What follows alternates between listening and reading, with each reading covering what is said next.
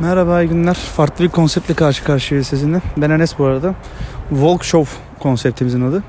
Soğuk, sıcak, yağmur, kış demeden yürüyerek sohbet edeceğiz. Muhabbet edeceğiz, konu kalacağız, sohbet edeceğiz. Sorularımıza cevap bulacağız. Böyle bir konsept olacak ama tek bir sıkıntı var. Bazı yerlerde, hatta bence çoğu yerde sürçü lisan edeceğim. Ama maalesef şu an kesme biçme işlerinde eksik olduğum için oraları duymamazdan gelmenizi istiyorum sizden. Yani gülün geçin en azından duymam. O kadarı da yeterli olur benim için. Ee, şu an bugün tek başımayım. Kısa bir şey olacak zaten. Ama yine de birisinin bana nasılsın sorusunu cevabı vereceğim şimdi. Birisi sormuş gibi düşünüp. İyiyim güzel gidiyor her şey. Yani hala safa sağlamamızın keyfi var üzerinde.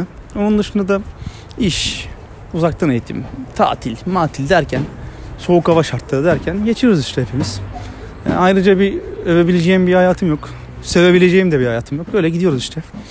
Onun dışında yani anlatabileceğim, aa bak şu oldu diyebileceğim hiçbir şey olmamasının verdiği üzüntü var üzerinde.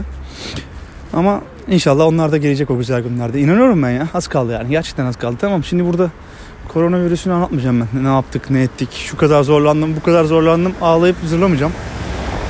Ama hepimiz farkındayız bu bizim bize verdiği zararın. Yani şu an bence zararı zararın ne kadar olduğunu ölçmeye çalışıyoruz. En kısa zamanda da bunun cevabını bulacağız bence ve mutlu olmaya çalışacağız. Bugünkü kendimize sorumuz mutluluk nedir? Yani kısaca değinip kapatmayı düşünüyorum bugünlük. Ya mutluluk çok düşündüm aslında bu ses kaydını almadan önce mutluluk nedir diye.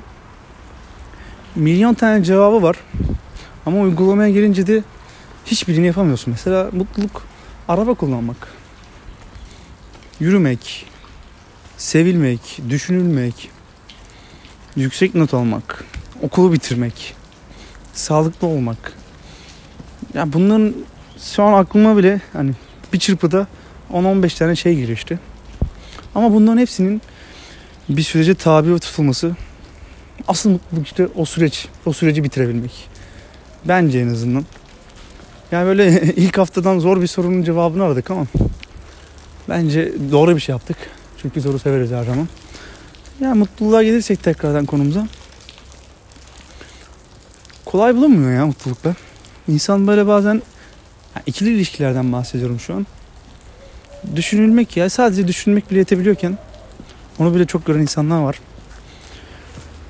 Onun dışında araba kullanmak mesela onu bile beceremeyen insanlar var. Yürümek onu bile beceremeyen insanlar var. Sağdan soldan omuz atanlar, Kaldırım çıkmayanlar, yoldan yürüyenler.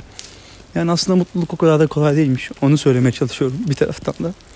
Mutluluk nedir'in açıklaması mutluluk ne değildir. Bence asıl soru budur.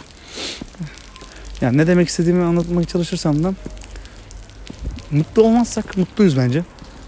O yüzden bence ilk önce iyi olmaya değil kötü olmamaya denememiz gerekiyor. Çünkü bence bu çok şart bir şey oldu bu dönem için.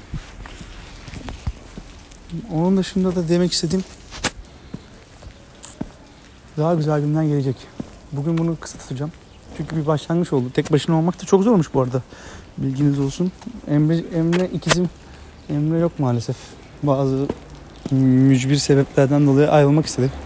Bu ortaklıktan. Ben de bir şart koşmadım açıkçası. Nasıl istiyorsa öyle yapsın dedim. Biraz oradan buradan Emre'ye de selamlar olsun. Bence dinlemeyecek buraya kadar ama olsun. Umarım sizler dinlersiniz. Ee, bugünlük bu kısa tutacağım. Çünkü tek başımayım. En kısa zamanda konuklu bir şekilde çok güzel soruların cevabını bulacağız. Mutluluk nedir dersek de tekrarlayalım. Mutluluk mutluluk ne değildir bilmektir. Saygılar diliyorum hepinize. İyi günler diliyorum. Bekleyin. Daha iyi günlerde geliyoruz. Çok kısa zaman içerisinde daha güçlü gireceğim. İyi günler diliyorum. Kendinize iyi bakın.